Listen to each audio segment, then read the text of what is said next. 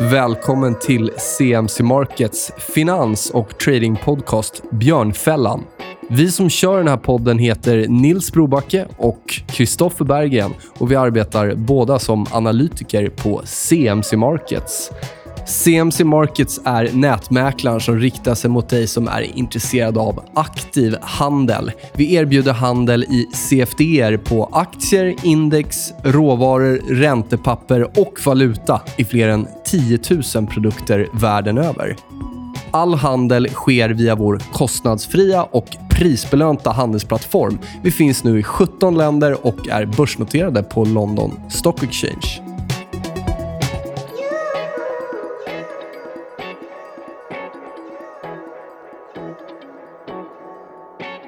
Sådär, då var det dags för avsnitt 83 av vår podcast Björnfällan. Och idag har vi återigen besök av två eminenta förvaltare. Nikos Georgelis och Taner Piktöken från Atlant Fonder. Välkomna.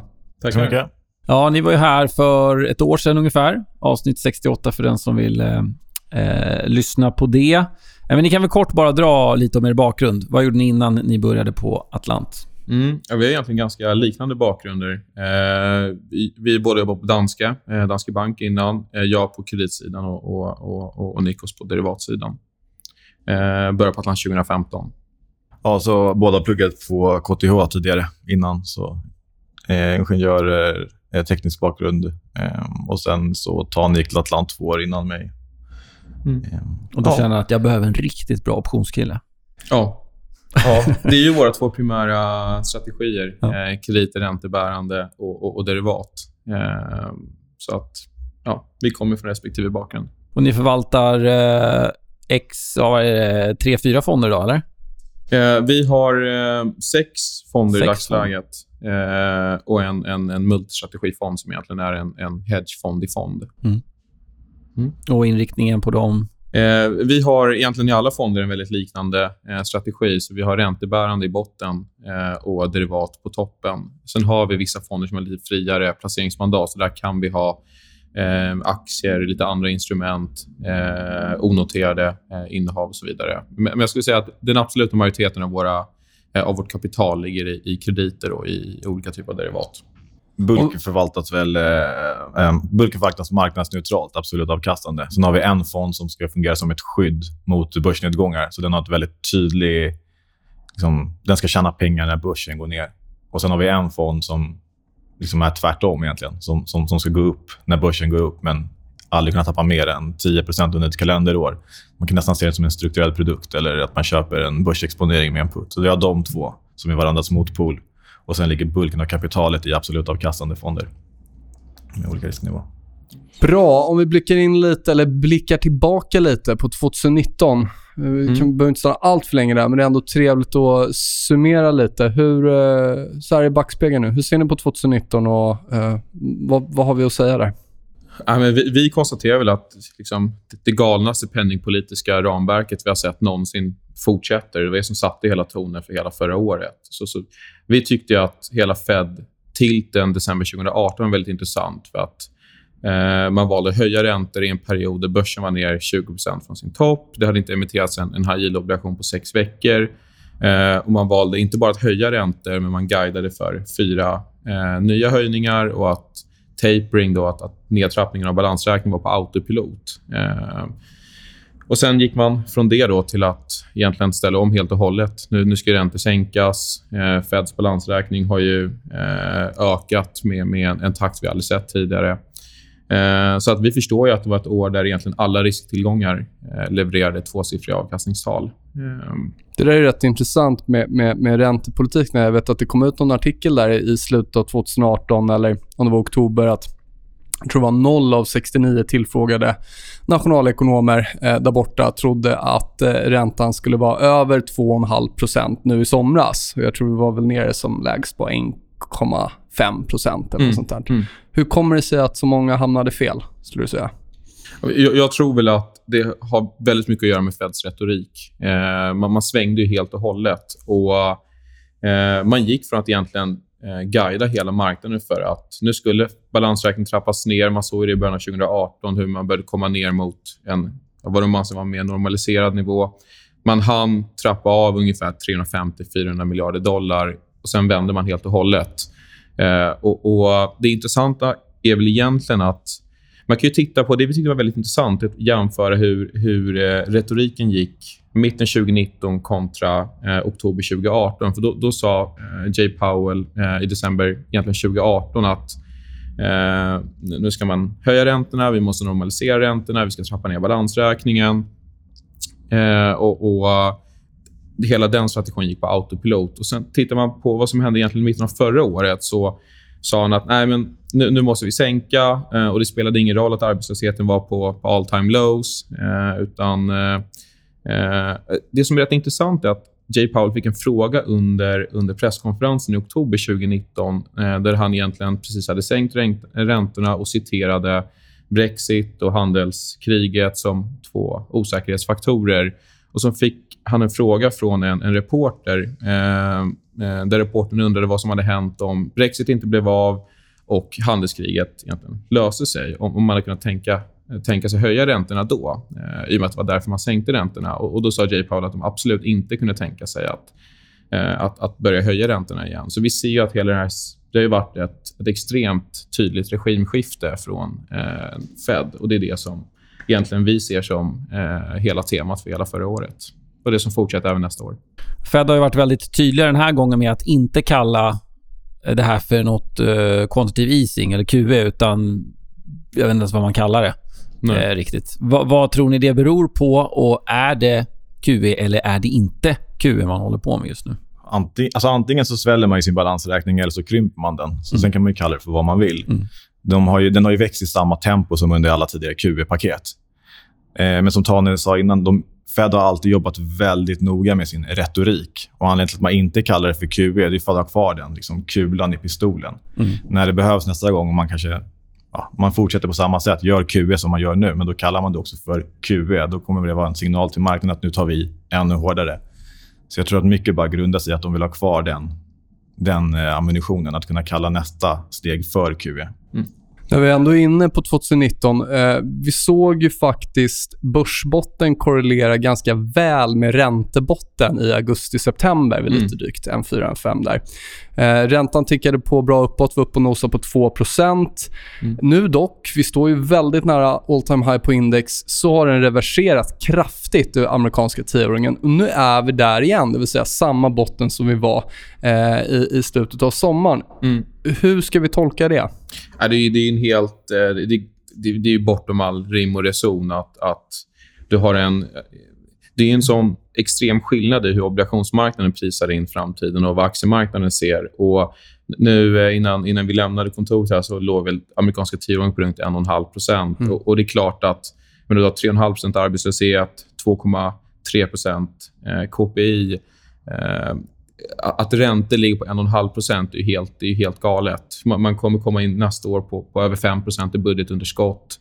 Eh, det kommer komma ut en extrem mängd obligationer ut i marknaden. Så vi, ju, vi tror att det kanske är mer sannolikt än inte att räntor ska ner i USA. Inte för att det finns fundamental data som stöttar utan för att det är där centralbanksretoriken leder oss. Eh, men lite inne på samma tema om, om QE eller inte QE. Det, det vi har sett är att sen man inledde den här nya rundan av stimulanser så har S&P visat positiva avkastningstal varenda vecka. För varje procent som Feds balansräkning har gått upp så har S&P gått upp med minst 1% Så vi ser ju att när det kommer in Eh, på fyra månader så har det kommit in nästan 450 miljarder dollar i, i ren likviditet. Sen kan man kalla det för, för vad man vill, men man ser ju att när den likviditeten kommer in i ett tillgångslag så flödar det igenom egentligen alla risktillgångar. Och I och med att den, den, de pengarna kommer inte in i realekonomin, utan det går in i marknaden. Så vi förstår ju att aktiemarknaden går på det här. Men eh, det är mer tekniska flöden bakom det. Eh, inte kanske att det finns fundamental data som stöttar eh, där vi står i värderingsformer. Jag tror förra veckan var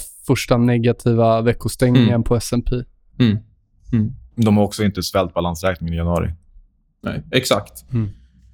Januari är första månaden sen, sen september förra året där, där Feds balansräkningar i princip oförändrade, svagt, svagt ner. Eh, och så ser vi exakt vad som händer.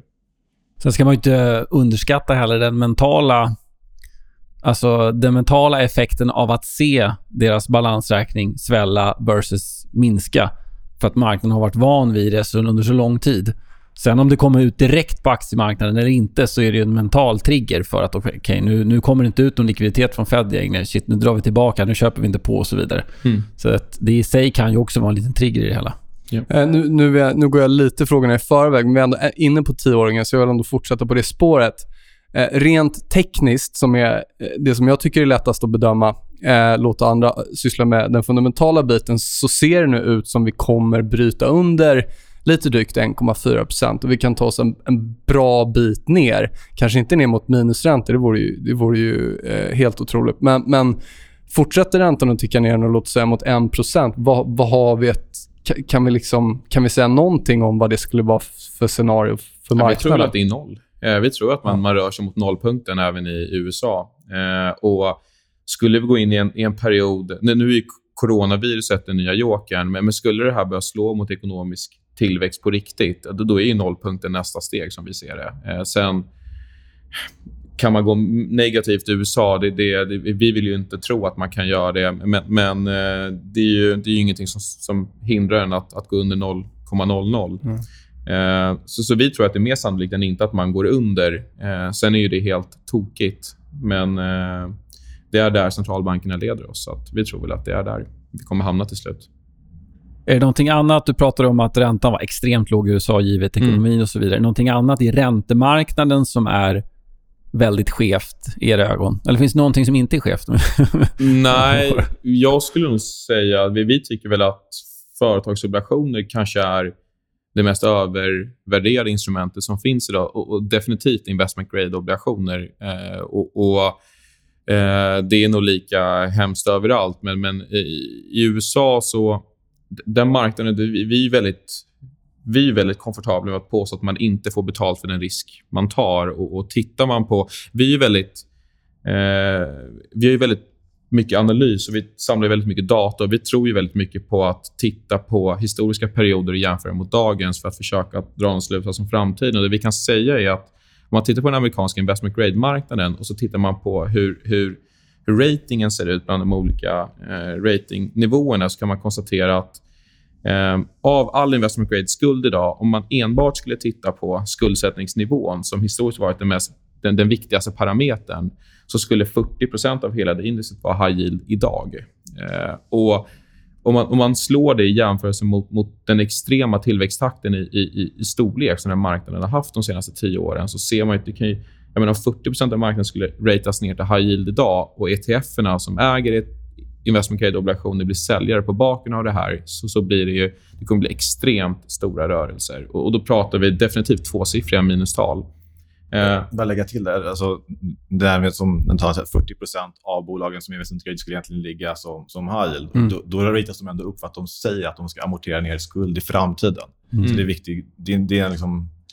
De, de, de, får ju, de, de, får, de får ju stanna på investment grade för att de säger att vi kommer titta på skuldsättningen framöver. Men, men det som har varit det genomgående temat de senaste åren är att man, man har ansträngt sin balansräkning för att dela ut extra mycket pengar till aktieägarna. Och det är ett antal bolag som är precis på gränsen till high yield. AT&T 100 miljarder dollar skuld, General Electric. Det är ju bolag... Jag menar, GE har ju negativt kassaflöde och bör vara ett high yield-bolag idag. Men skulle det bolaget ratas ner eh, så skulle det få väldigt stora konsekvenser. Så, så de får ju säga, stanna kvar uppe på investment grade-marknaden tills, eh, tills de helt enkelt inte klarar av att visa att de kan hantera sin skuldbörda. Men Ford eh, nedgraderades ju i september, oktober. tror jag både Moody's och S&P tror jag har en som skräpstatus just nu. Sen vet ja. jag inte hur stor hur stor den obligationsdelen är. Det är ett stort företag, men sen kan skulden behöver inte vara extremt stor ja. för det.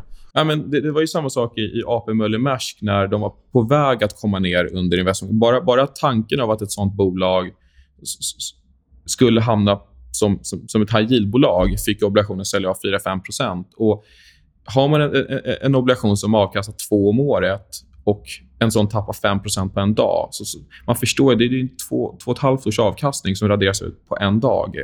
Eh, sen är det ingen omedelbar konkursrisk i de bolagen. Det är mer att det finns extrema tekniska flöden bakom det när du har en så stor del av marknaden som nu förvaltas passivt via ETFer som bara får äga, säg investment grade. Och De måste bara sälja rakt av när, när ett bolag blir nedratad. Eh, och, och, På det så, så vi gör den analysen och kan konstatera att en stor del av marknaden bör vara high yield idag eller kommer bli high yield när vi går in i en, i en sämre ekonomisk miljö. Eh, och så tittar vi på hur handlar Eh, miljön är där en väldigt stor del av, av obligationer ligger hos slutkund. Jag 2007 så låg 50% av all emitterad företagsskuld låg på ba bankernas balansräkningar. Så det fanns en likviditet, det fanns en köpare. I, idag är den siffran på, på 4% och marknaden har dubblerats. Så att, eh, du, du, har en situation där det kan bli extremt trångt i dörren. Och Vi tror att den effekten kommer synas tydligast i investment grade-marknaden. Och de här volymerna, ligger de mest hos fonder eller är det utspritt bland diverse... E ETF har stått för nästan 70% av den mm. tillväxten. Eh, så, så, det är ju fonder, men inte nödvändigtvis fonder som gör analys, utan de ska äga mekaniska sina respektive... Exakt. Mm. Det är mekaniska köpare och säljare. Och Kombinerar man en sån ägarbas med en, en, en situation där var en väldigt liten del av marknaden som faktiskt kan ställa upp med eh, ett pris och köpa en obligation i, i, tuffa perioder så kan man snabbt se en situation där alla är säljare och det inte finns en enda köpare av, av, av volym. HUG, eller eh, den eh, US High Yield som jag tror vi mm. pratar om här, den ETFen, den har ju faktiskt de två senaste veck veckorna sålt av lite. Ja. Eh, det är väl inga, eh, enligt mig, ingen super eh, rörelse än så länge. Mm. Eh, men det finns eh, liksom klart tekniska stöd vid runt 86-87 dollar där, där det liksom har hållit ihop länge och varit en konsoliderande. Och tycker jag ser ut, om vi skulle komma under det här, skulle kunna vara eh, liksom en riktig indikation på att vi kan få en jobbig rörelse liknande december ja. 2018. Och sådär. Ja. Eh, vad, om vi får den här stora downgraden, då, vad, vad, kan hända, hur kan det påverka det här high yield-kontraktet? Eh, du har ju varit inne på det lite nu, men... Liksom... Ja, men vi, tror väl inte, vi, vi tror att oktober till, eh, oktober till december 2018 är en ganska bra period att titta på. För Det var ändå en period där det var en, en del utflöden ur ETFer, inga massiva volymer. Eh, menar, efter Lehman så var det indexet ner 50 mm. på, mm. på tre veckor. Eh, så det kanske är ett extremscenario. Men, men vi ser det som mer sannolikt än inte att går man in i en sån period igen så är det nog åtminstone 7-8% minus eh, på tillgångslaget high yield. Precis som slutet av eh, då 2018 så har ju oljan nu börjat sälja av ganska kraftigt. Och ja. När jag gick in här så handlas vi under ganska viktiga tekniska stöd. och Det där har ju mycket att göra med high yield, för mycket av det är energioljerelaterat. Ja. Ja.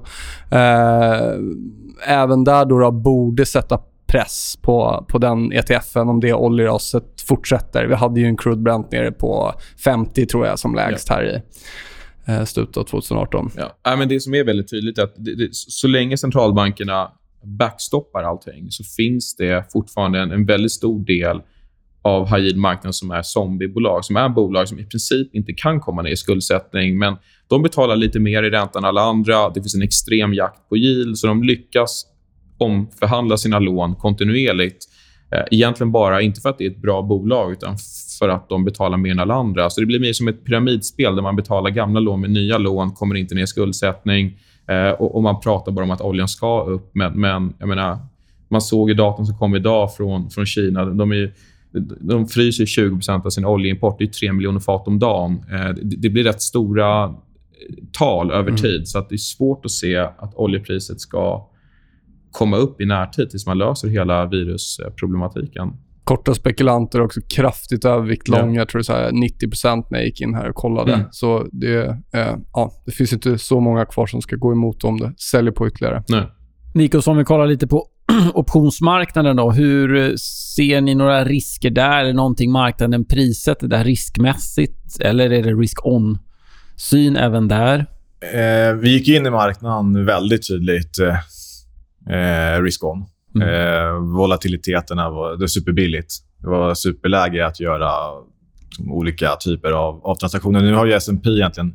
Vi är inte mer än vad är det, knappt dryga 2% från all time high. Så att liksom, man sitter och pratar om coronavirus och mm. commodities säljer av och ja, energibolag. Men så kollar man på liksom breda indexet så är egentligen still. Mm. Det hade kunnat vara en dålig rapport eh, från några techbolag så hade vi stått här också. Nu är det de som varit fina. Men det är som att stora indexet är helt obrytt. Men det, har, det vi ändå sett att på en så liten rörelse så brukar inte liksom, vixen hoppa upp så mycket som den ändå har gjort. Eh, så man, man, noterar ändå att fast ingenting har hänt och rörelsen egentligen är liksom obefintlig på indexnivå så har volatiliteten spikat upp ganska tydligt från hur det var när vi gick in i början på året.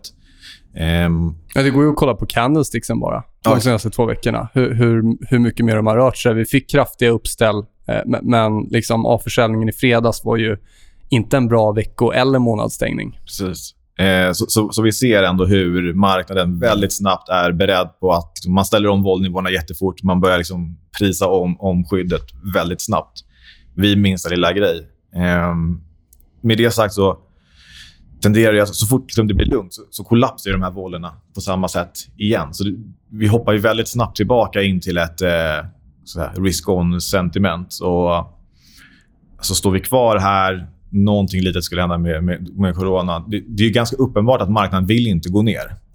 Eh, så minsta lilla bra nyhet här nu, så då har vi nog våldkollaps och eh, börsen ganska snabbt upp. Liksom, ett par procent.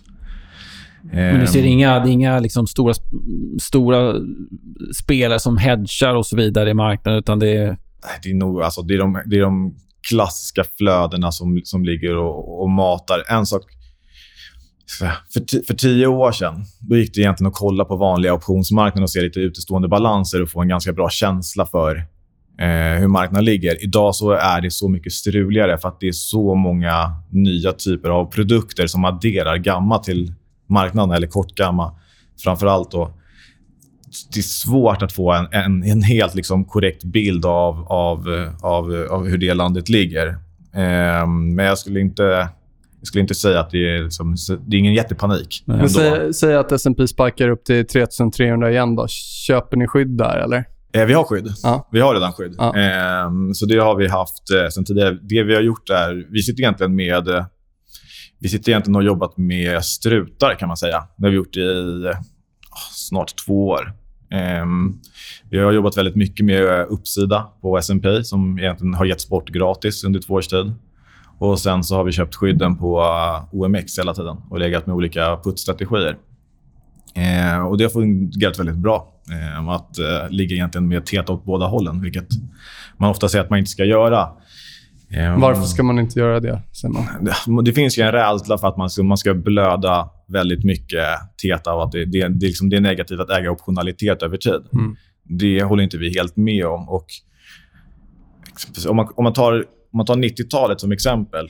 Så det som hände i slutet av den liksom bullmarketen in i it-kraschen, det var egentligen att man fick väldigt hög vol fast indexen fortsatte liksom uppåt, blowout på uppsidan. Så prisar man inte riktigt optioner. Utan optioner prisar allt som att option, volatiliteten ska bli billigare om det går upp.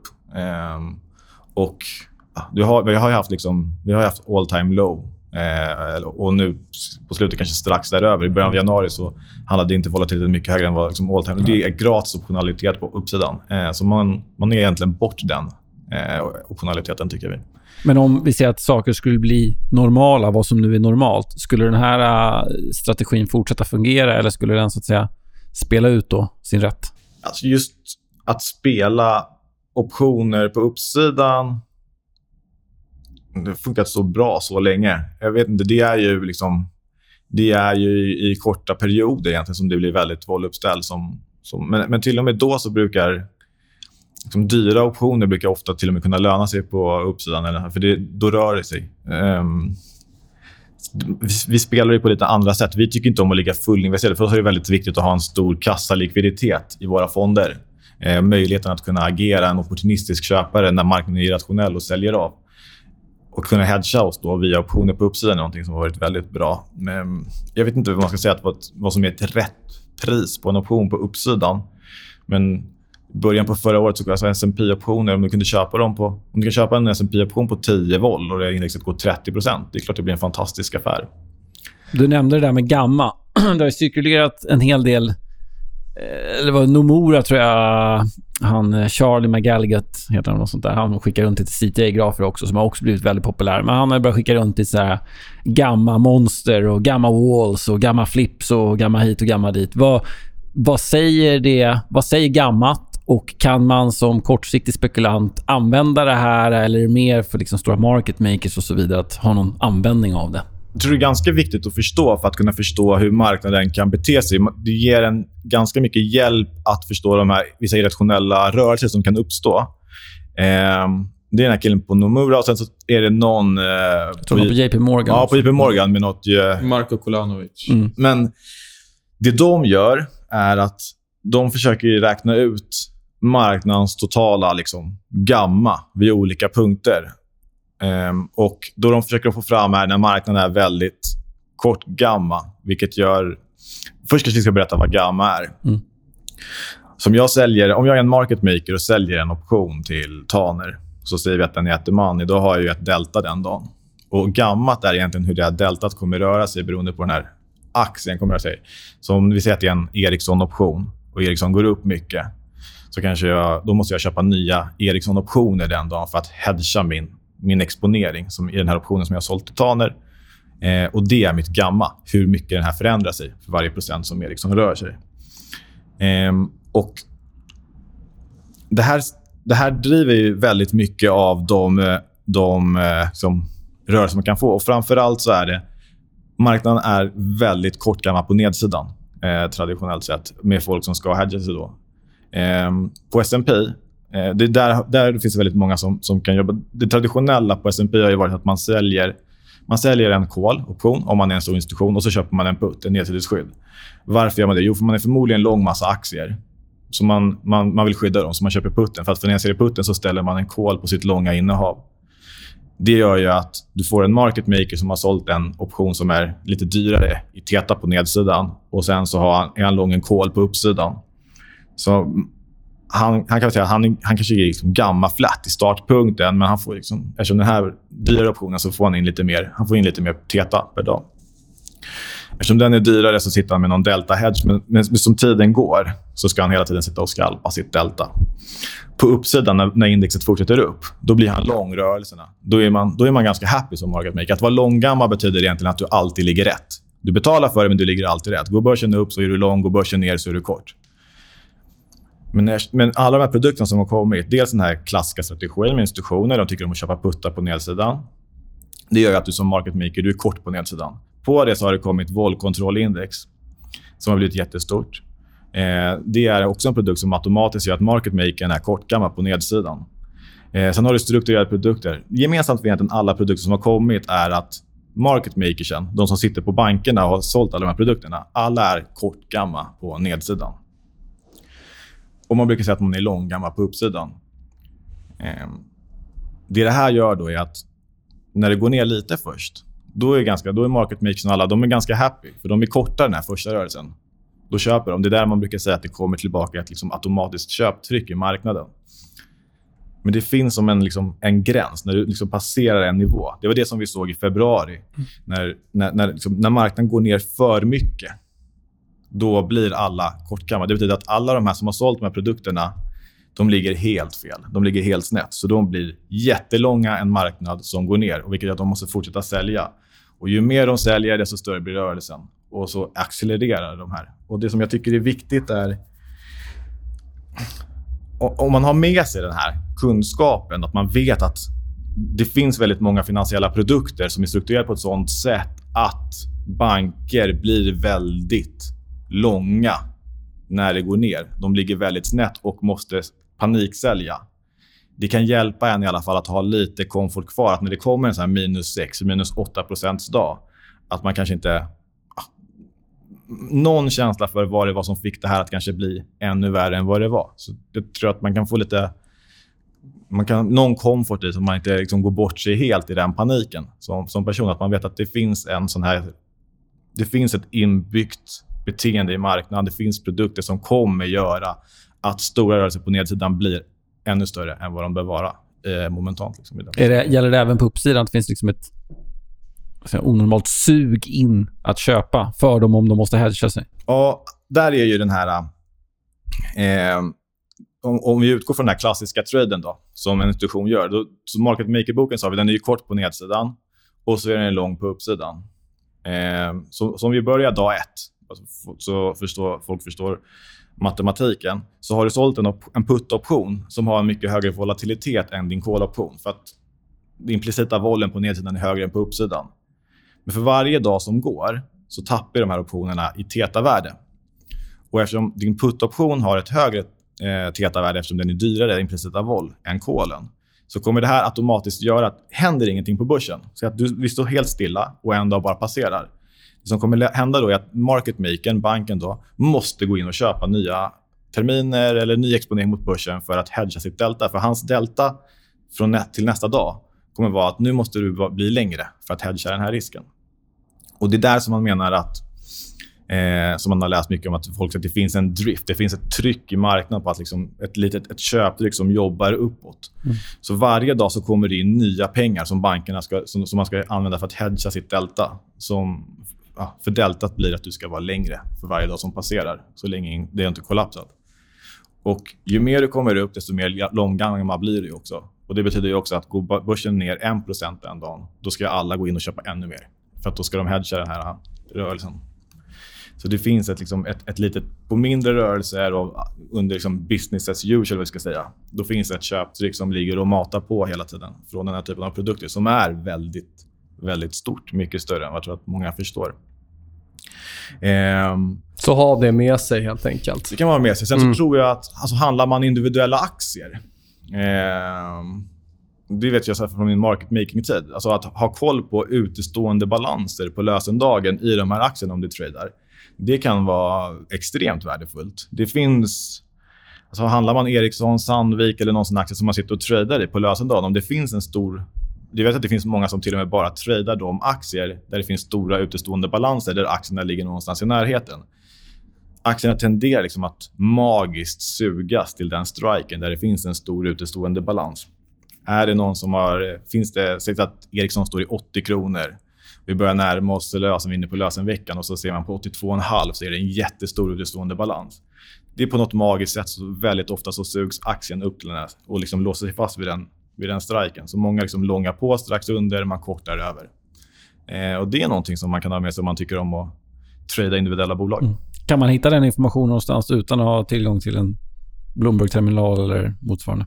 Eh, jag tror öppna balanser är allmän information som mm. Nasdaq ger ut. Det var det förut i alla fall. Jag tror mm. att det är det fortfarande.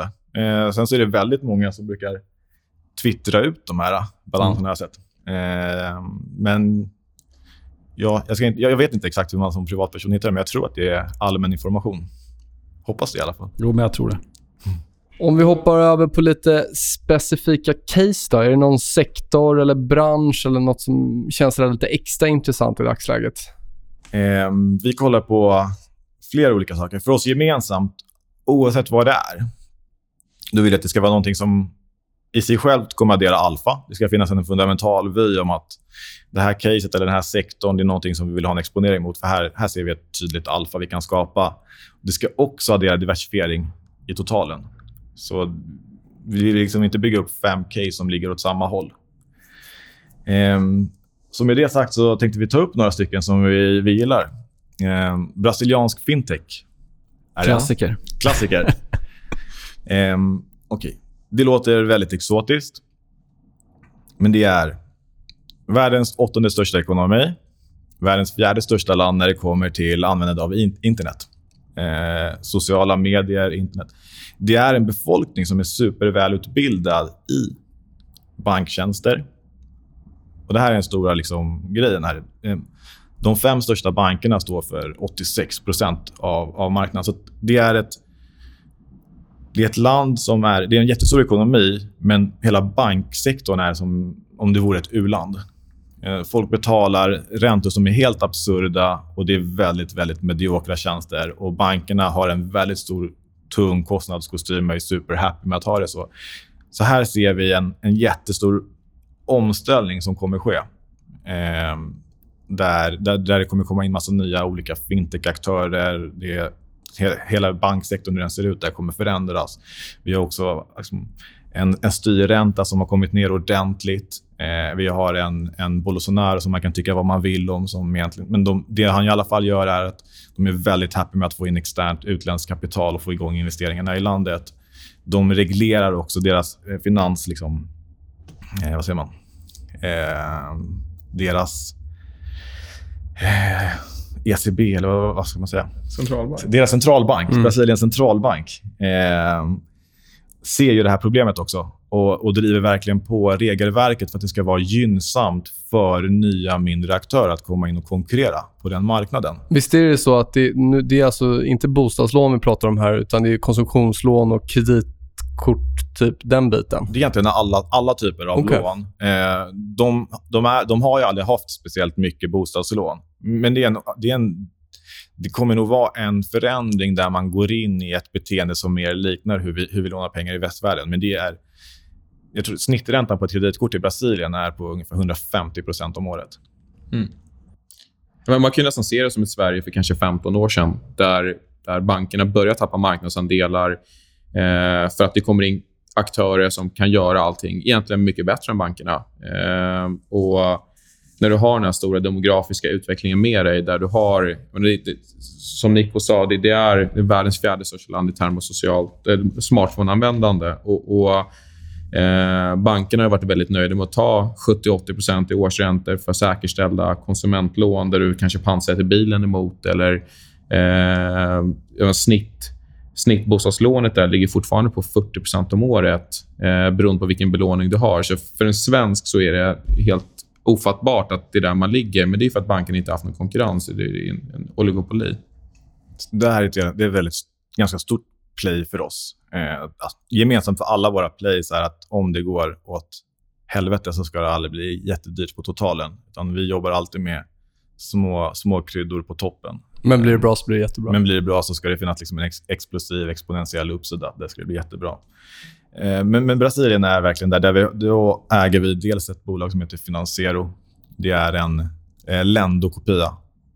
Förmedla lån i Brasilien, hjälpa folk att trimma, trimma de här lånemarginalerna istället för att gå in på ett bankkontor och betala 100% ränta, utmana det här och betala lägre. Svenskar inblandade, va? Yes. Ja. Eh, det är startat av eh, folk som, var, ja, som jobbade på Schibsted och liksom var involverade i hela Lendo-affären från när de köpte det. Det klingar lite så här svenskt, namnet. Financiero. Det låter, man känner igen En det i många andra. touch. Ja, Men hur tar ni det? Är det via optioner eller direktinvestering? det är en aktier? direkt investering. Okej. Eh, men det är ju en aktie som vi närmast ser som en option. Så antingen ska den bli värd noll eller så kommer den där investeringen kunna gå 30-40 gånger på tre år. Eh, vi äger även ett, eh, ett litet bolag som kommer jobba med eh, lån till företag där nere, som är relativt nystartat. Eh, men för gemene man, då, om man vill liksom få exponering på det här playet, så eh, finns det en aktie som heter Vostok Emerging Finance som jag skulle rekommendera att man kollar på. Den har gått rätt bra. Vi har pratat om den ett tag, men den har gått rätt bra på slutet. De har 55% av sin portfölj i brasiliansk fintech. Eh, 20% av portföljen är ett jättefint bolag som äger i Mexiko som håller på med företagslån. Så man får egentligen 75% av deras portfölj exponerad mot fintech i Latinamerika. Så eh, om man tycker att hela den här omställningen och förändringen av bank i Brasilien låter spännande så är det ett väldigt enkelt sätt att skaffa sig den exponeringen även som privatperson. Vi äger också den aktien. Mm. Har ni några andra case där som är extra spännande? Någonting på räntesidan som ni eh, placerar i? Eller? Nej, jag skulle vilja säga att utöver den mer exotiska eh, brasilianska delen av vår portfölj så har vi ett, ett par nordiska börsnoterade aktier också. Eh, som Nikos var inne på, det, det, vi är ju inga stockpickers. Det viktiga för oss är att skapa leta efter instrument som kan ge en explosiv uppsida med en kontrollerad nedsida. Eh, för Det gör att vi kan använda en, en liten del av fonden för att skapa en, en, en- en, hög riskjusterad avkastning. Så vi äger ett antal biotechbolag. Callitas Therapeutics är det största innehavet vi har.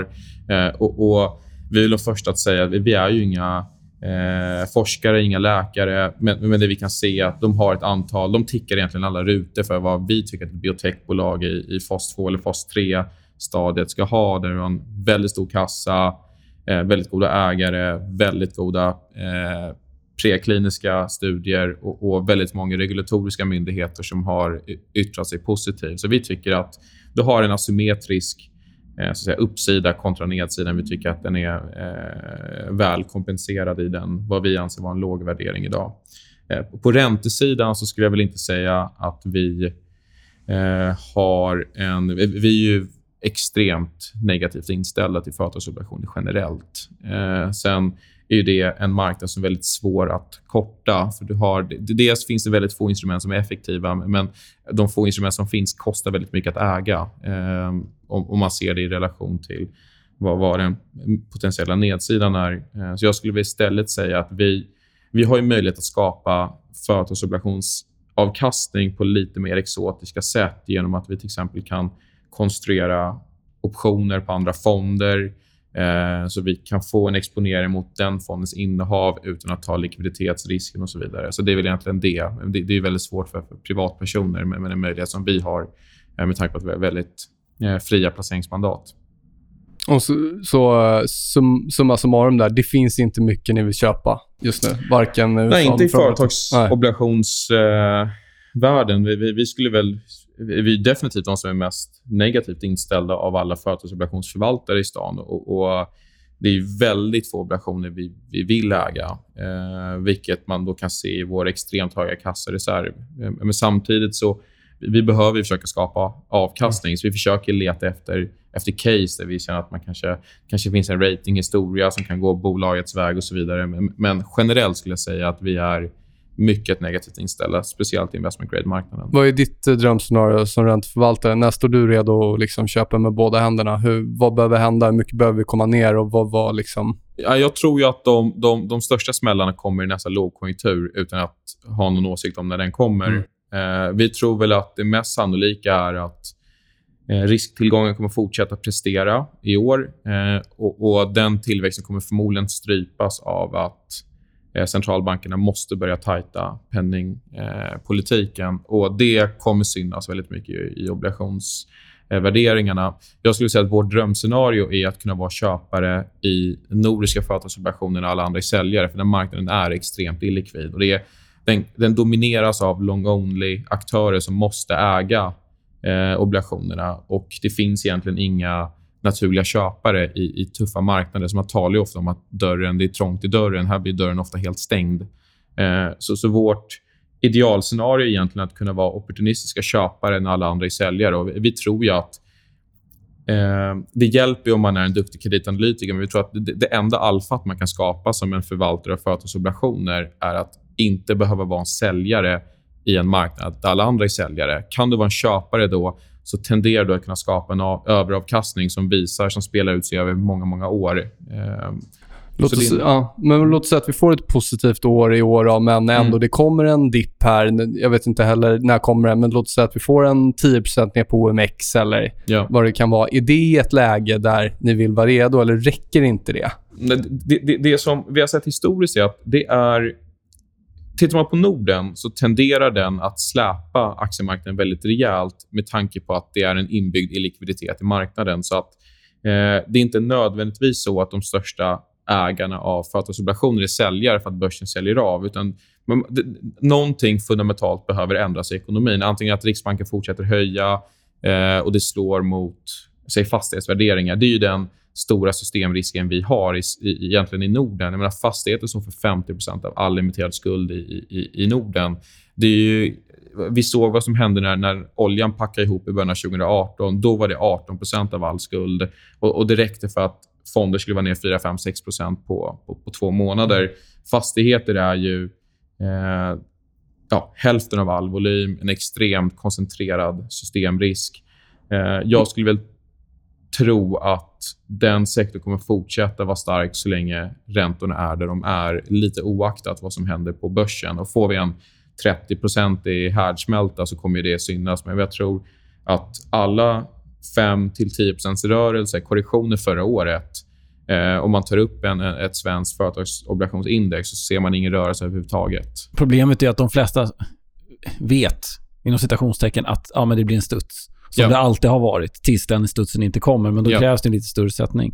Men när ni kommer ni bli intresserade av fastigheter, alltså obligationer, eller är det konsekvensen bland de andra obligationstyperna om fastigheter smäller? Vi, vi, vi vill ta kreditrisk och inte marknadsrisk. Och, och skulle fastigheter börja, börja smälla så kommer det slå mot allting. För att det kommer vara väldigt svårt att sälja Eh, en, en, en företagsobligation eh, i ett fastighetsbolag eh, när du har en sån marknad. Du kommer behöva sälja allting annat för att betala dina utflöden. Så förmodligen kommer du kunna ta koncentrerade för kreditrisker i bolag som fundamentalt sett mår bra men som smittas av att du har fem stora obligationsägare som måste sälja i en marknad där du inte har en enda köpare. Eh, så det är ju vårt drömscenario. Och jag skulle väl tro att eh, jag menar, vi har under 1 av vår eh, förmögenhet, fondförmögenhet i, i fastighetsobligationer. Vilket gör, det är en väldigt, tydlig, väldigt tydligt ståndtagande från vår sida. Eh, I och med att det är en så stor del av marknaden. Det gör att vi måste in i, i mm. mycket annat.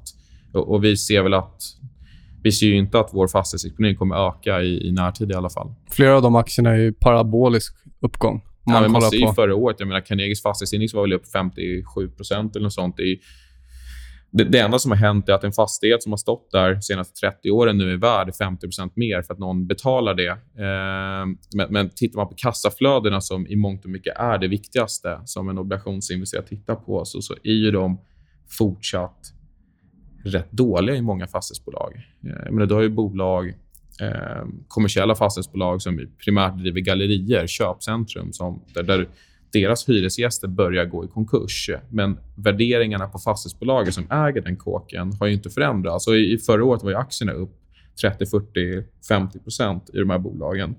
Så att det är ju bara ett underliggande räntespel eh, och, och, vi försöker att inte delta i den hysterin överhuvudtaget. Så kanske, det, var ju, det var ju en miss förra året från vår sida. Vi, vi borde ju ha ägt de här aktierna. Vi, vi, tycker, vi, vi kan bara inte räkna hem det. Om vi kikar på, vi har pratat lite här om massa case och så vidare, men om vi kikar på 2020, hur, hur ser ni på det som Ja, helhet. Det kommer ett val här i USA. Eh, I november brukar väl det vara. Hur ser ni på det? Är det någonting ni kommer spekulera i? Alltså när det väl blir dags. Nu kan ju mycket hända där vad gäller kandidater och så vidare. Mm. Eh, det beror helt och hållet på alltså, hur det ser ut där och då. Eh, de här olika valen kan skapa väldigt roliga situationer ibland. Eh, man kan spela olika optionsstrategier mot varandra. Jag kommer ihåg inför eh, franska valet när det var Macron eller Le Pen och det var, skulle bli Frexit. Då kunde man, det blev sån panik på nedsidan i, i Europaindex att man kunde ställa 9% nedsida på, på Eurostox och för pengarna köpa 3% nedsida på OMX. Man fick liksom 6 gratis skydd. Eh, så det som behövde hända då var egentligen att Europa skulle gå ner 9% eller mer medan OMX gick ner max 3 eh, så Det kan uppstå såna här riktigt roliga lägen när man kan, när man kan hitta ganska unika möjligheter inför de här valen. Sen vad det blir, det, det blir jättesvårt att säga. Ja. Det får vi se där och då. Eh, jag brukar spela ganska mycket pengar på amerikanska valen. Ja, betting ja. på bettingsajterna. Ja. Eh, brukar gå att göra sig en ganska bra hacka på det. Det brukar ofta bli väldigt, väldigt mycket jämnare än vad man först har trott. Eh, jag tror vid den här tiden förra året så låg väl Trump i 500 gånger pengarna. Eh, kanske, kanske några månader tidigare. Men, men det vart ändå... Jag säger inte att man, man ska gå in och plocka de här 500 gånger pengarna kandidaterna, men det brukar ofta sen när det är, bara när det är två, tre kandidater kvar så brukar det uppstå väldigt bra lägen att spela lite. Eh, mitt eh, stalltips just nu är väl kanske att man går in och petar lite på Elizabeth Warren. 48 gånger pengarna på Betfair. Ja, hon är ju ganska... Hon var ju inte håsad, det ska man absolut inte säga. Men hon stod ju högre i kurs för inte så länge sedan. Nu känns det som att hon är, är ute, men hon kommer säkert studsa tillbaka på något sätt. Ja. Hon är väl kanske det som marknaden helst av allt inte vill ha. Ja, mm. precis. Så det blir ju som en put-option nästan. Mm. Eh, men eh, det, det, blir som att handla optioner nästan med de här olika eh, bettinggrejerna på, på presidenterna. Om det gick att göra i, i eh, reglerat, reglerat och eh, värdepapperiserat sätt skulle vi nästan ha det i fonderna också, tror jag. ja, men det, det är så himla polariserat. Det, det, man ser det är ett tema globalt, men, men du har hamnat i en situation där du har en extrem politisk polarisering. Du har ingenting i mitten. Det är en, en tydlig högerkant och en tydlig vänsterkant. Och, och man, liksom, partiideologiskt kan man ju vara var man vill, men, men tittar man som en säga, investerare så är det väldigt tydligt att ett, en Elizabeth Warren-seger hade ju inte följts av stigande aktiekurser. Det har, har, vi väldigt svårt att se. Sen är frågan om det går ner 10, 15 eller 20 Men, men det, det, är väldigt svårt att se att Trump ska vinna med väldigt tydliga, med en väldigt stor marginal. Så det man kan fundera på är skulle Elizabeth Warren eller Bernie Sanders för den delen bli eh, Demokraternas eh, så att säga, eh, Kandidat. kandidat i, i presidentvalet och det skulle komma en undersökning tre månader innan eh, röstdagen som visar att de ligger 50-50, Trump och Bernie Sanders eller Elizabeth Warren. Det kommer behöva prisas in i aktiemarknaden för att det ligger så, så nära inpå. Nu, nu, nu ser det ut som att Trump vinner ganska enkelt, men det kan ju snabbt ändra sig. Och Skulle börserna komma ner här en, en 10% för att coronaviruset sprider sig snabbare än väntat eller vad det nu kan vara. Så, så, så vi tror att nedgången förmodligen kommer att accelereras av eh, ett presidentval. Sen tenderar de åren att bli rätt tråkiga på börsen eh, för att förhandskandidaten vinner till slut. Vi tror bara att ska man spela det ska man nog spela det på undersökningsdatan som kommer innan eh, valdagen. När vi ändå är borta i USA eh, så tycker jag att det är dags att prata lite om XLF eller finanssektor-ETFen där borta. Eh, Den har ju haft en eh, otroligt seg utveckling får man ändå säga sen topparna 2007. Eh, men nu kom vi faktiskt upp här i början av januari och gjorde nya all time highs. Och, eh, I alla fall då så kände jag att det här kan vi ju inte tolka som något annat än väldigt bullish. Eh, en sektor som har haft så lång kräftgång och börjar göra nya all time highs och en så viktig sektor. Nu gjorde vi faktiskt en ganska tvär vändning ner under den nivån, eh, vilket jag ser som bearish. Men oavsett vad min vy är, eh, vi har haft så här lång konsolidering. Eh, hur ska vi tolka financials där borta? Är det övervärderat? Är det undervärderat? Och liksom, vad kan hända om vi nu går in i, i, i en ytterligare en, en, en lång bullmarknad? Vad innebär det för financials? Och, eh, för det är någonting som har varit segt och eh, inte roligt att äga om man, om man köpte det på toppen 2007 i alla fall. Financials är... Det är svårvärderat. Det är, liksom, det är låga P-tal. Man kan kolla price book på financials. Det är höga direktavkastningar. Vi har kikat lite grann på som ett led i om, om den här liksom håsen skulle fortsätta. Det är som en sektor som skulle kunna liksom plocka upp lite grann och kom, liksom jobba sig ikapp lite grann. Övriga sektorer den har ju laggat ordentligt. Nu kollar du på den amerikanska marknaden. Så nu har den jobbat sig upp till 0,7-nivåerna. Eh, om vi kollar på eh, europeiska ban- bankindex. Ja, de är ju långt ner Ja, fortfarande. de är fortfarande på all time Ja. lows. Så de ligger fortfarande kvar där nere. Ja. De har inte rört sig upp någonting. Men det är skillnad på Europa och USA. Så är det. Mm. Det finns en annan ränta och sånt där också. Ehm, men... Eh, det är väldigt svårt. Vi, alltså, Ja. vi, vi kommer nog spela som ett opportunistiskt play, kollar vi på att göra på financials. Ehm, men det är så mycket annat som ser annorlunda ut idag än vad det gjorde för tio år sedan för den här Mm. sektorn. Och Den står inför så stora förändringar. Ehm, den här amerikanska ETFen som du pratar om är lite bredare. Det finns lite fler Ja, Berkshire eh, Hathaway är en stor del av den, så det blir implicit att det... Ja. och så vidare. Medan den här eh, europeiska är ju bara banker. Kollar vi Nej. på ku- småkusinerna som jag brukar säga, eh, regional banks och du har brokers dealers index och du har insurance också, så har ju de faktiskt, tror jag, gjort nya högsta där. Så att... Eh, ja. Ja. Eh, allt annat lika. På kort sikt säger jag inte att jag är väldigt bullish, men, men, men ett bryt upp efter en lång, sån lång konsolidering så bör man ändå liksom känna att det här, det, det indikerar väl ändå någon typ av styrka. Ja. Ja, men vi kollar på det. Dels för att vi har liksom, att det fundamentalt borde finnas liksom, utrymme för den sektorn att, att hänga på om det här skulle fortsätta. Vi är ju väldigt liksom, bearish long term i vår Mm. fond, sitter med stor kassa. Så vi sitter ofta och lite heta såna här opportunistiska uppsidesspel där vi, där vi förmodligen kommer spela via någon option. Antingen får vi fel eller så liksom ramlar det in några punkter till fonden. Eh, så financials är en sektor som vi har kollat på att göra någonting på. Dels också, även till och med de här kräftgången i europeiska bankindex. Eh, Världens mest hatade bankaktie, Deutsche Bank. Det är väl ingen eh, Wall Street-bank som har köp på dem. Har, Nej. är ju upp nu eh, en del, faktiskt en botten. Ja. Och ser ut, i alla fall om man kollar i typ veckografen, ser ut som, som, som den kan börja bryta ännu högre. Eh, det, det är väl det ultimata contrarian-caset kanske, när det gäller eh, bank. Vi la på Danske Bank förra året och Deutsche Bank långade vi på för en månad sedan. Ja, det har blivit bra. Initialt. Ja. Vad är det för tidshorisont på den positionen? Eh, lösen i december i 2020. Så ett år är jag. Och ett årigt play. Men ni, och ni planerar att sitta kvar hela vägen, så att säga? Det beror på hur den rör sig.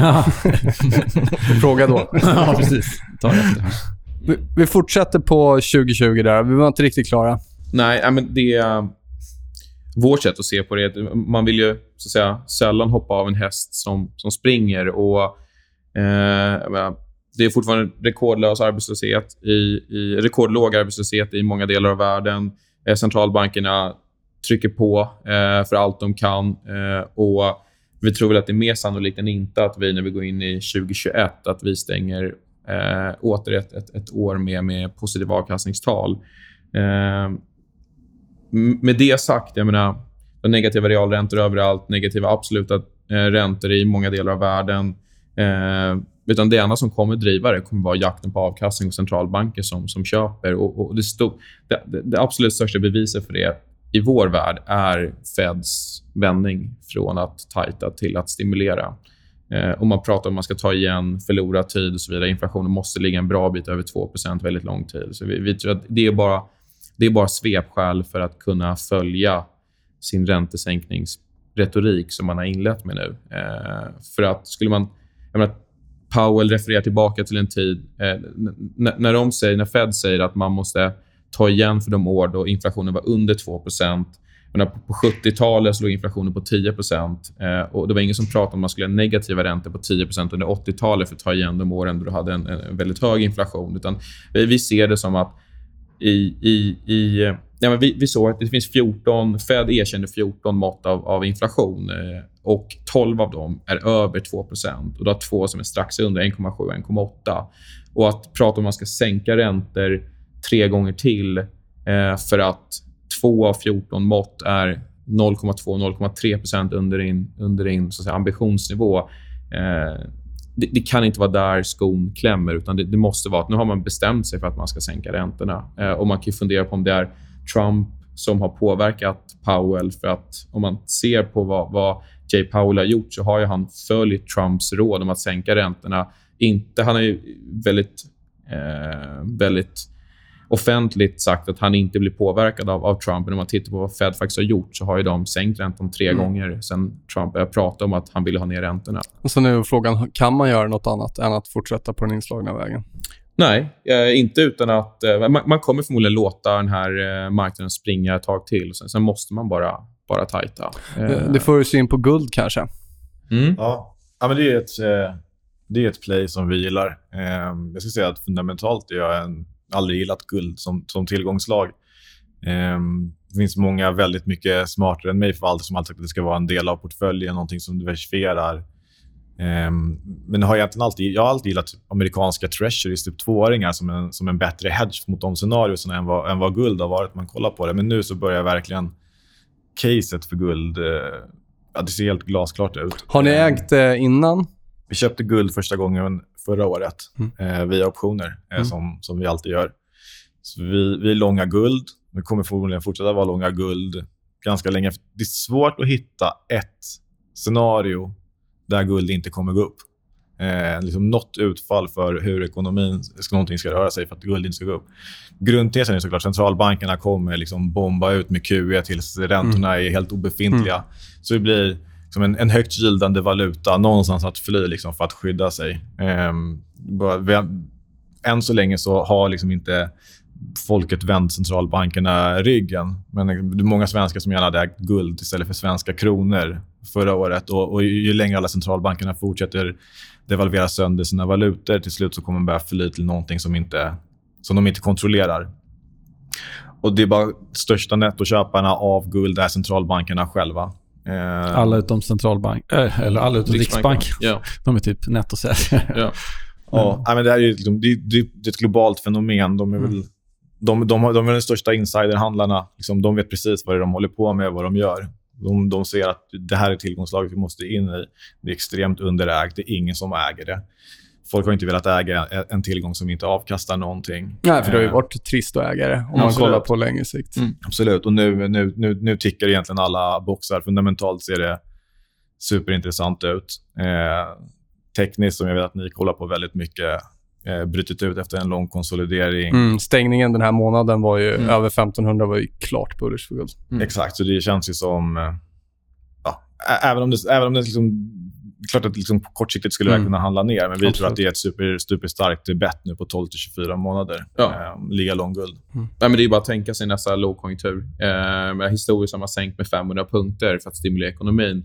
Eh, det funkar ju när du har 5 i, i repo, men, men, när man har noll, som i Sverige, eller, eller en och en halv som i USA, eh, någonstans vid nollpunkten så, så händer någonting. Och, och cash blir värdelöst om du har 2 inflation och minusränta på, på kontot. Du behöver ju någonting att förvara förmögenhet i och det, kommer ju bli guld. Vi är inga, vi är inga guld, eh, så att säga, fantaster. Det har aldrig varit en del av strategin. Däremot så ja, som Nico sa, vi, vi kan egentligen inte se ett scenario där guld inte... Eh, dels har en diversifierande effekt, men, men också går upp de kommande två åren. Eh, och sen, det enda vi funderar på är hur mycket guld kommer, kommer komma upp. Och Sen så har det gått väldigt snabbt tycker jag också i liksom hela retoriken, hur man vågar prata om guld. För tre, fyra år sedan då var det ju, då var det foliehatt mm. på någon som pratade om guld. Och Idag så har vi liksom Ray Dalio, Paul Tudor Jones. Jones. Det är liksom det är alla gurus från alla tillgångsklasser. Så Det är liksom trading-gurus, det är bond-gurus, det är alla liksom equity-gurus. Allihopa säger nu att toppick är guld. Så Det kommer från alla tillgångslag. Det är superunderägd. Det är, det är, inte, det är inte foliehattarna som är inne och pratar om det. Utan, eh, så Det har ju också ändrats, eh, vilket jag tror kommer göra att det sakta smyger sig in även i flera institutionella portföljer som, som inte har guld idag. Tror du konsensus om bitcoin kommer att ändras också? Eller är det bara en stor skam? Mm. Vi, vi, tror att... Eh, återigen, vi, vi, är, vi är inga krypto... Nej. Eller Nikos i och för sig hyfsat väl bevandrad, men, men, man kommer ju söka sig till alternativa valutor. Som är bitcoin eller någon annan mm. kryptovaluta låter jag vara osagt. Men, men med det sagt så vid nästa lågkonjunktur så kommer helikopterpengar vara ett faktum och då kommer man behöva någonting annat. Och vid något tillfälle kommer man börja fundera på om pengarna på bank är säkra och, och då kommer kryptovalutorna eh, att, att ha en tydlig funktion i samhället. Sen är frågan om det är bitcoin eller någonting som Libra mm. som kommer vara reglerat. Eh, men penningmonopolet är på väg bort från bankerna och det är ju en supertrend vi ser. Sen är frågan om det tar fem år eller, eller 20 år. Men eh, negativa räntor är ju, en, eh, är ju ett, ett koncept som är förödande för cash och för, för vanliga fiat-valutor. Ja, om vi ska runda av här. Ni har ju framförallt du, Nico, suttit på en trading desk. brukar alltid finnas lite historier därifrån. Jag eh, kan tänka mig att du har några på lager. Eh, har du några du vill dela med dig av kanske? Um, ja. Det är lite grann på temat gamma då, som vi var inne en sväng på innan. Ofta kort gamma. Det är ofta då som de roligaste positionerna kommer upp. Um, en som jag tycker är väldigt rolig, det var, egentligen, det var inte jag, men det var en, en kollega till mig förut från, från Danske som berättade när han satt som eh, trader. Så hade han sålt väldigt mycket puttar i ett eh, nordiskt, eller norskt biotechbolag. Stod kanske runt 80 kronor. Han, sen är han på semester och så ringer han in och frågar desken bara, hur, hur går det? För han visste att det var den här dagen som någonting skulle hända. Ja, fem ah, 5 bara. Ja, det är ju superlugnt. Nej, alltså aktien står i 5. um, så det var en sån här... Det var liksom ett års PNL. ingen bonus då? Inget, ingen bonus då. Det var en sån där kul. Um, Men det var som sagt, det var inte du, utan det, det var en kompis. Jag. Det var aldrig alltid en kollega. Det är aldrig, det är aldrig en själv. Det är aldrig en, man har alltid en vän stan. Ja. Jag kommer ihåg en jobbig position som vi satt med var två gånger som jag har hamnat liksom lite i... Det var ju Meda. Det var mitt första bolag som jag var market maker i eh, när jag var på Danske Bank. Och det, var ju, det var ju budrykten i det. Till slut blev det ju köpt eh, vid, olika, vid olika tillfällen. Och jag kommer ihåg första dagen som jag har fått Meda. där, handlat aktien, bara svingat lite fram och tillbaka, försöker lära mig tradingsystemet. Så kommer ett budrykte där aktien börjar dra. Och så säger min tradingchef, nu är det bara in i trading instincts mode. Liksom. Jag bara, okej. Okay. Jag har hållit på med det här i en och en halv timme. Vad menar eh, han? Så har de lärt mig att så här, nu gäller det att vara snabb. Så du dubbelklickar på priset på offersidan och sen smäller du till in, äh, enter. Så har du liksom bara lyft av. Så du inte håller på liksom och sitter och skriver in volymer. Ja, okej, okay, säger jag. Och så kollar jag och säger ja, men det är 5 000 aktier där. Det är bara att börja jobba, jobba in aktier. Det är budrykte. Helt plötsligt så hör jag någon som ropar bara Vem är det som har köpt så jäkla mycket Meda? Um, jag vet inte, jag har köpt 5 000 aktier. Så jag. Någon har köpt en halv miljon. det var det. Ja, men det var inte jag. Så här. Jag har bara dubbelklickat här. Vadå dubbelklickat? Jag bara dubbelklickat. Så, så blir det en sån här grej. Folk bara, dub du har ju dubbelklickat in en halv miljon. Då är det någon millisekund där som jag har sett 5 000 så har någon ställt upp en halv miljon ah. till. Så jag hade köpt 500 000 plus 5 000. Så, här. så det blev en ganska så här, jobbig position som vi skulle försöka vända ut sen. Men blev, då är frågan, blev det någon bonus för dig eller inte? Eh, så här, generellt sett för mig så blev det aldrig bonus. eh, så den var kul. Och sen så en annan gång i samma bolag, då hade vi ett jätte, jättestort kortgamma. Eh, och så var, satt jag själv där. Och så blir det budrykte. Och ni vet ju hur likviditeten brukar vara under aktierna. Och mitt gamma var av den storleken att så fort jag lyfte offersidan, för varje 50 000 aktier jag köpte så flyttade jag aktien så mycket att mitt gamma blev egentligen större. Så att ju mer aktier jag köpte, desto kortare blev jag i boken kan man säga. Så, alltså, så varje gång jag köpte 50 000 med aktier så blev jag kort 100 000. Så nettot av det blev alltså att jag blev kort 50 000 till. Så varje gång som jag klickade och försökte hedga någon typ av aktier så blev jag bara kortare. Så till slut sitter man bara där i ett budryktesaktie som man är superkort. Och man vet inte vad man ska göra. Man sitter på händerna för att försöker man hedga någonting blir man ännu kortare. eh, apropå det här med hur olika gamman Mhm. kan, kan driva marknaden.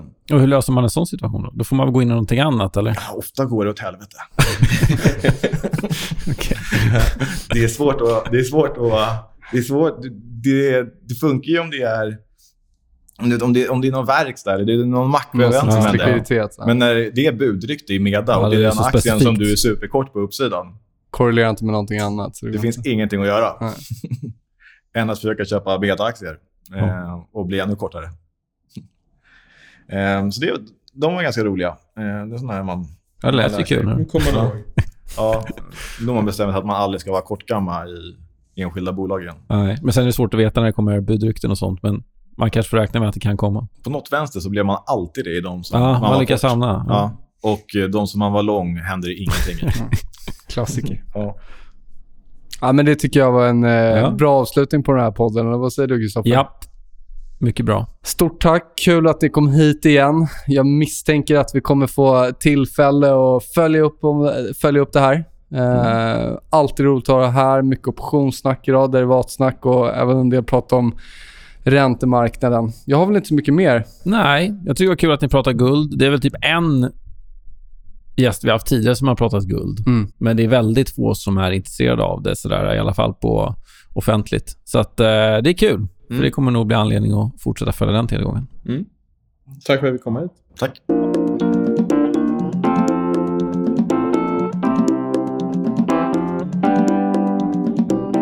Sådär då, Kristoffer. Det var ju minst sagt fullsmetat. Mm. Otroligt kul att höra från grabbarna. Vi ska nämna det också, vi missade det, att eh, de har ju faktiskt precis fått pris här Ja. för årets hedgefond, eller hur? Ja, Ja, privata privat, affärer. Ja, privata affärer. Som de är väldigt ödmjuka, så de lyfter inte fram det. Men vi, vi berättar gärna om det.